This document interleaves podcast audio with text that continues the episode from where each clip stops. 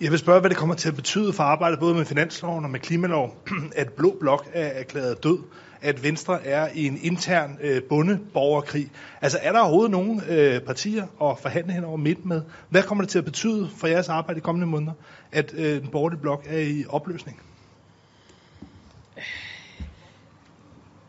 Jeg har det øh, helt grundlæggende sådan, selvom jeg er øh, utrolig glad for det forståelsespapir, vi har lavet, og øh, endnu en gang gerne vil takke partierne bag det, at øh, blokpolitik gavner ikke Danmark. Så nu er vi en række partier, øh, som har lavet forståelsespapir, som kan føre Danmark fremad, som kan tage de store skridt på klima og på grøn, som kan bidrage til at løse dele af tillidskrisen og sige velfærd først. Det er det, der er vores udgangspunkt. Mit håb, min forventning er, at mange af de beslutninger vil vi kunne træffe hen over midten. Øhm, og jeg håber, øh, jeg håber i virkeligheden, at alle partier i Folketinget vil bringe sig i spil. Og det er der givet nogen, der vil gøre mere end andre. Øhm, men, men uagtet hvad der måtte ske internt i partierne, så har vi jo et helt almindeligt folketingsarbejde, der skal køre.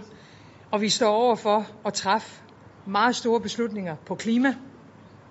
Øh, der er en udligningsreform i den her øh, øh, valgperiode, vi skal have på plads. Der er en sundhedsreform, der skal på plads. Der er en pensionsreform, der skal på plads. Bare for at nævne nogle af de store.